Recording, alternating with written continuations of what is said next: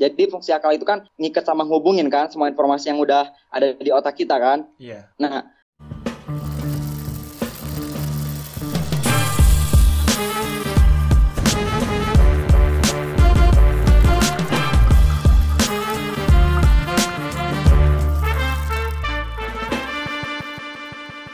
Oke, Assalamualaikum warahmatullahi wabarakatuh. Balik lagi di channel IPK 4,0. Kali ini kembali kedatangan sahabat saya, yaitu Fidel Castro, yang kemarin juga mengisi di episode ketiga IPK 4,0. Dan kita bakal lanjut ngobrol-ngobrol tentang keseruan-keseruan di hidup dia. Kita bakal lanjut ngobrolin tentang dasar pemikiran, apa sih yang mendasari dia untuk mau berubah dari yang dulunya ketika masa-masa sekolahnya seperti itu dan akhirnya sekarang alhamdulillah berkeinginan jauh lebih baik lagi dari sebelumnya. Oke, langsung aja kita hubungin.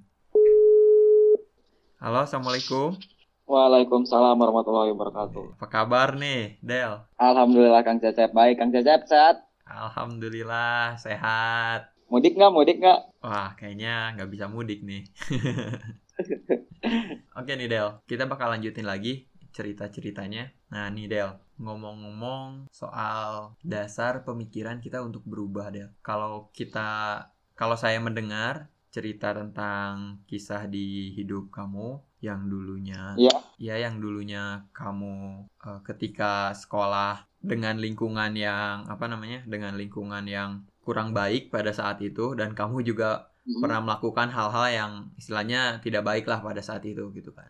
Tapi sekarang kalau dibilang kamu juga pernah bilang juga hampir berubah secara lingkungan, secara pribadi 180 derajat nih kan. Iya. Nah, saya juga penasaran nih Del, apa sih yang mendasari kamu untuk berubah gitu dan kenapa sih kamu bisa sampai berpikir gitu, berpikir bahwasanya gue tahu ini salah gitu kan, ini salah Mm. dan gue harus berubah gitu. Nah, sampai kamu sadar di titik itu kamu ingin berubah tuh apa gitu dan kenapa gitu bisa berpikiran seperti itu bisa diceritain gak Del? Oh gitu. Jadi kalau misalnya Kang Cecep kan nanya terkait saya perubahan saya, masalah saya, Kang Cecep ngedengar itu dari saya kan. Iyalah jelas masa dari tetangga.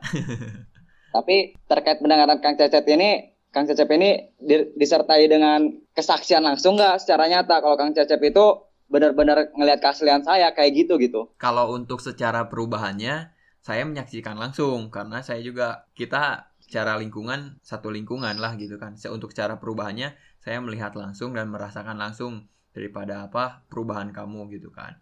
Walaupun Hmm. eh, untuk yang sebelumnya saya hanya mendengarkan itu dari cerita-cerita kamu aja gitu. Maksudnya dulu saya kayak gini lah, dulu ketika waktu saya sekolah kayak gini gitu kan. Sampai akhirnya kamu bisa berubah seperti ini, ya saya merasakan perubahannya aja gitu kan. Bahkan ketika di posisi kamu yang sudah sudah lebih baik pun ketika kamu menceritakan masa lalu kamu yang seperti itu saya nggak percaya sih gitu awalnya gitu kan. Karena Eh, tapi seiring berjalannya waktu, kamu terus menceritakan hal itu dan emang itu disertai pembuktian juga dari kamu ya hasil ya saya yakin sih gitu kan. Ya juga sih gitu. Mungkin dulu kamu gini-gini alhamdulillah saya juga merasakan kamu emang lebih baik juga gitu. Nah, saya masih penasaran dengan kondisi yang dulu se ya kalau bisa buat saya ya se ekstrim itulah ya. Karena pada zaman sekolah nggak semua orang merasakan bagian-bagian masa-masa bandel kayak gitu kan. Ya bandel-bandelnya orang paling cuman bolos gitu kan istilahnya. Nah kenapa sih kamu bisa berpikiran untuk ingin berubah gitu? Dengan cepat gitu dengan cepat kamu bisa berpikir ya saya harus berubah gitu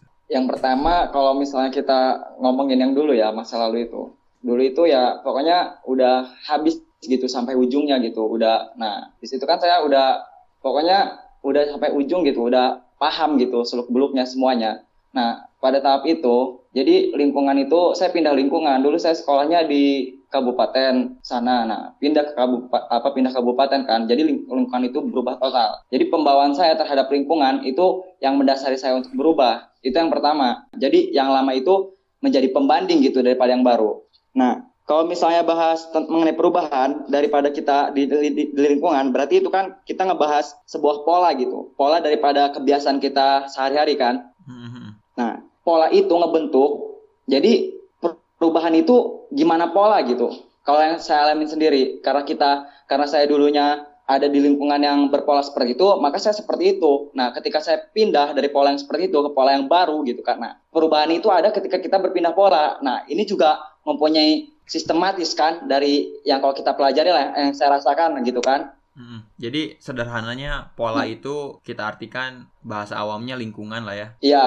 Uh, terus? Jadi yang pertama itu bermula dari pola. Nah, ketika kita udah sadar akan pola itu gitu. Nah, di situ berpikirlah kita, apa dulu itu udah parah banget gitu kan. Beda sama sekarang. Cuman ingatan-ingatan masa lalu itu masih ada gitu kan. Masih ngebekas gitu kan. Hmm. Nah, jadi seiringnya waktu, apalagi saya ikut organisasi Paskibra, cuma satu-satunya organisasi yang saya ikuti kan. Nah di situ ngebentuk banget gitu. Dari saya yang dulu apa ngerubah dari yang dulu sampai sekarang itu ngerubah itu ngebentuk saya banget gitu untuk ninggalin pola yang lama. Saya ngebuat bentuk pola yang baru. Jadi bisa saya namain untuk kita berubah dalam proses berpikir itu berpikir itu ya salah satunya itu pola.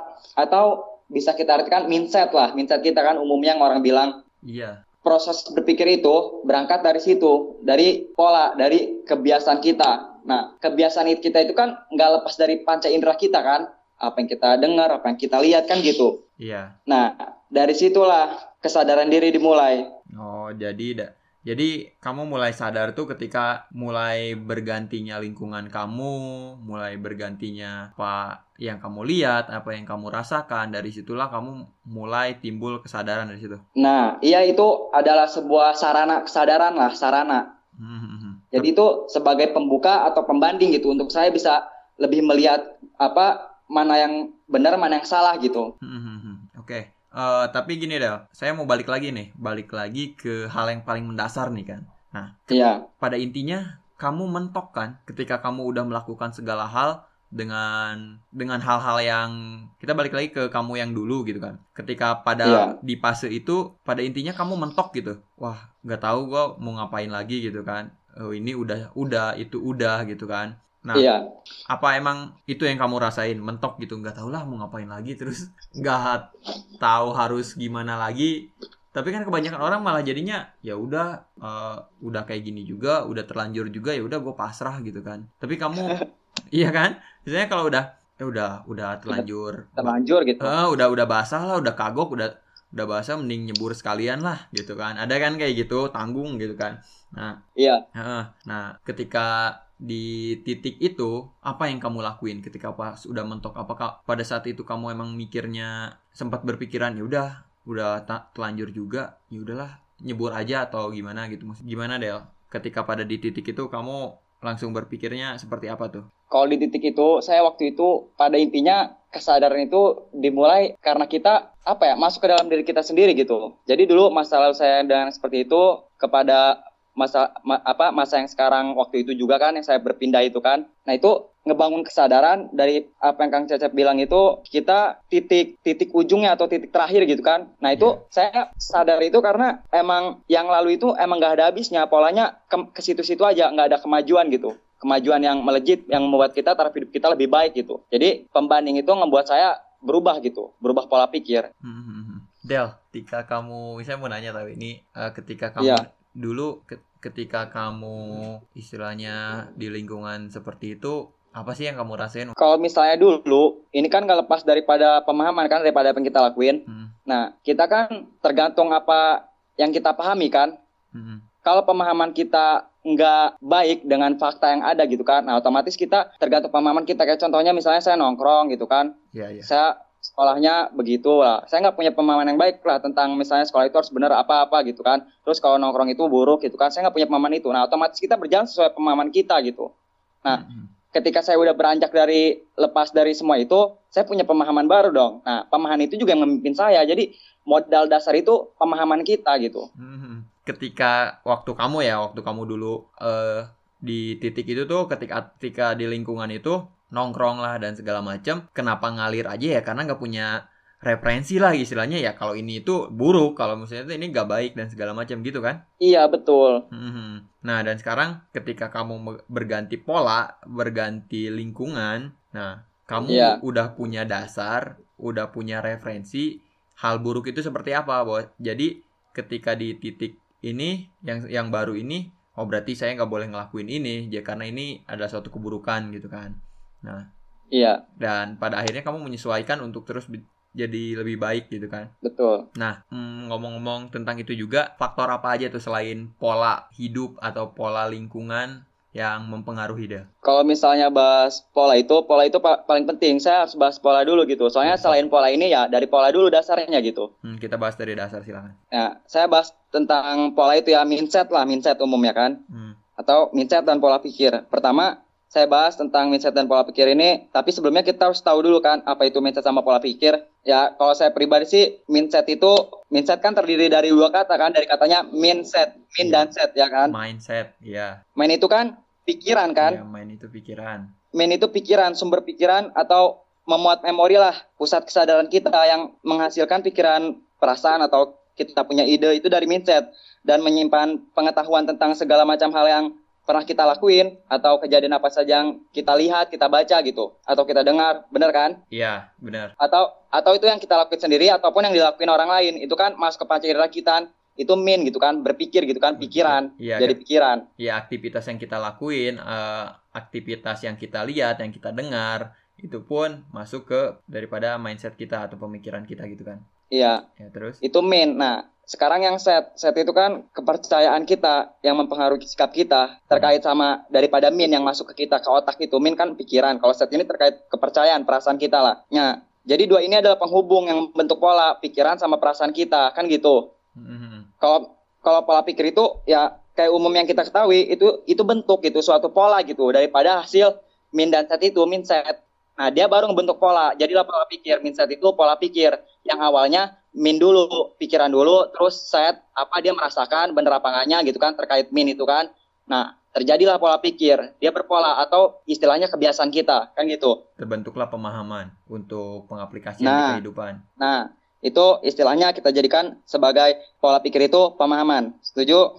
Ya lebih sederhananya itulah. Nah, contohnya gini aja, contoh konkretnya biar lebih relevan ya. Yes. Kita bahas pemahaman. Ya, so, Sewaktu kayak kita di Paskibra aja, Kang Cecep sama saya di Paskibra. gimana? Nah, jadi waktu angkatan Kang Cecep ya, Kang Cecep kan yang ngambil alih korlap kan. Iya, saya waktu itu pernah, ya korlap. Nah, waktu ngambil korlap otomatis suara ada di Kang Cecep kan. Kan Kang Cecep korlapnya. Ah, Nah, pada saat TC, Kang Cecep ngambil alih suara dan Kang Cecep mengorga- mengorganisir anggota lah.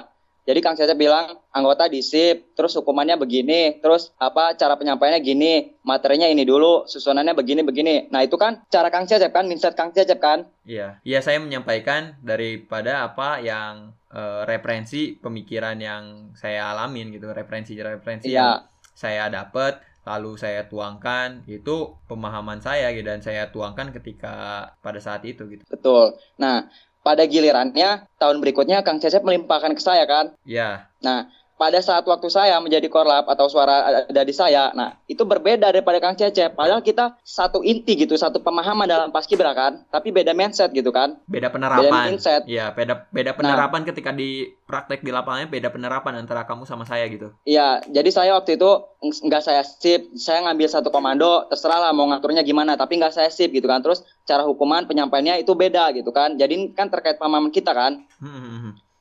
Tapi inti dari apa yang kita sampaikan itu itu sama. Nah, itulah pola berpikir atau mindset, tapi dasarnya sama. Jadi mindset kita beda kan, tapi orientasinya sama. Iya, iya, mindset kita berbeda penerapannya. Jadi kesimpulannya bisa ya kesimpulannya bisa kita ambil mindset atau pola pikir itu kan cara kita menilai dan memberikan kesimpulan kan terhadap sesuatu yang berdasarkan sudut sudut pandang kita kan perbedaan pola pikir orang itu kan disebabkan oleh bedanya jumlah dia sudut apa sudut pandang dia memandang suatu hal yang dijadikan dasar atau landasan atau alasan dia gitu kan? Iya, yang membedakan ya apa yang kamu konsumsi dan saya konsumsi berbeda. Secara konsumsi di sini dalam arti eh, konsumsi untuk pe- untuk pemikiran ya. iya. Maka- Nah, mindset itu kan juga berarti kalau misalnya kita lihat dari kasus kita kan itu nggak lepas dari sekumpulan sebuah kepercayaan kita kan atau emosi kita. Pada saat itu kan kita beda kan. Kang Cecep waktu itu seniornya lagi rame. Kalau saya kan saya sendiri handle kan itu terkait emosi juga kan. Iya. nah artinya mindset itu mencermi- mencerminkan keadaan diri kita gitu kan dari apa yang kita lakuin bener nggak Ya jelas seperti yang tadi saya Berarti- bilang eh, yang kita baca, yang kita alamin, referensi kita pun Ya. berbeda gitu. Berarti mindset atau pola pikir kita itu sebuah cara menilai dan memberikan kesimpulan kan gitu terhadap sesuatu berdasarkan sudut pandang kita, perbedaan pola pikir gitu kan. Karena disebabkan oleh bedanya jumlah sudut pandang yang kita jadikan dasar alasan atau alasan gitu kan. Mhm. Itu juga kan apa nggak lepas dari emosi kita atau mental kita kan, dari pendidikan sama pengalaman pun fakta yang ada pada saat itu kan beda kan. Jadi faktanya waktu itu seniornya banyak gitu kan. Pada saat saya saya sendiri kan itu terpengaruh sama emosi kan, mental kita kan. Iya. Nah, itulah mindset. Itu jadi sebuah pemahaman gitu kan. Mhm. Jadi sebuah pemahaman. Jadi jadi mindset atau pola pikir itu mencerminkan keadaan diri kita kan. Bener nggak? ya mencerminkan diri kita. Setiap orang kan dasarnya punya ide, pendapat atau rencana kan, cita-cita gitu kan. Iya, tahu iya Nah, paham paham. Jadi mindset atau pola pikir itu memang mencerminkan daripada diri kita atau pribadi kita gitu kan. iya, Hmm. mindset. Tapi mindset juga nggak terlepas daripada fakta yang ada dan emosi kita gitu. Jadi mindset itu diolah di dalam otak kita. Terus pada gilirannya akal kita lah yang berperan. Jadi fungsi akal itu kan ngikat sama hubungin kan semua informasi yang udah ada di otak kita kan. Iya. Nah, otak itu ngaitin ke hati gitu, kepercayaan kita atau otak itu bisa ngerasain gitu. Ini sebuah hal yang bagusnya gimana gitu. Nah, jadi yang mempertimbangkan itu ya hati kita atau set daripada min daripada pikiran. Jadi dia kolaborasi. Nah, berarti mindset Kang Cecep sama saya kan beda karena terkait fakta-fakta saat itu kan. Iya, jelas berbeda lah. Hasil pemikirannya pasti jelas berbeda. Karena mikir kan eh, proses kan, mikir itu proses dan Ya, balik lagi ke proses berpikir tadi. eh, ya dan pemikiran itu adalah hasil gitu. Yang nanti yang di mana nanti pemikiran itu menjadi suatu pemahaman gitu di dalam pengaplikasian di hidup kita gitu. Ya, terus lanjut ya. Nah, jadi dari situ, dari mindset itulah kita bisa berubah. Kita harus kenal dulu pola pikir, mindset, baru perubahan bisa kita dapat. Tanpa kita mengenal pola pikir atau mindset atau semua informasi segala yang ada, kita nggak bakal bisa berubah.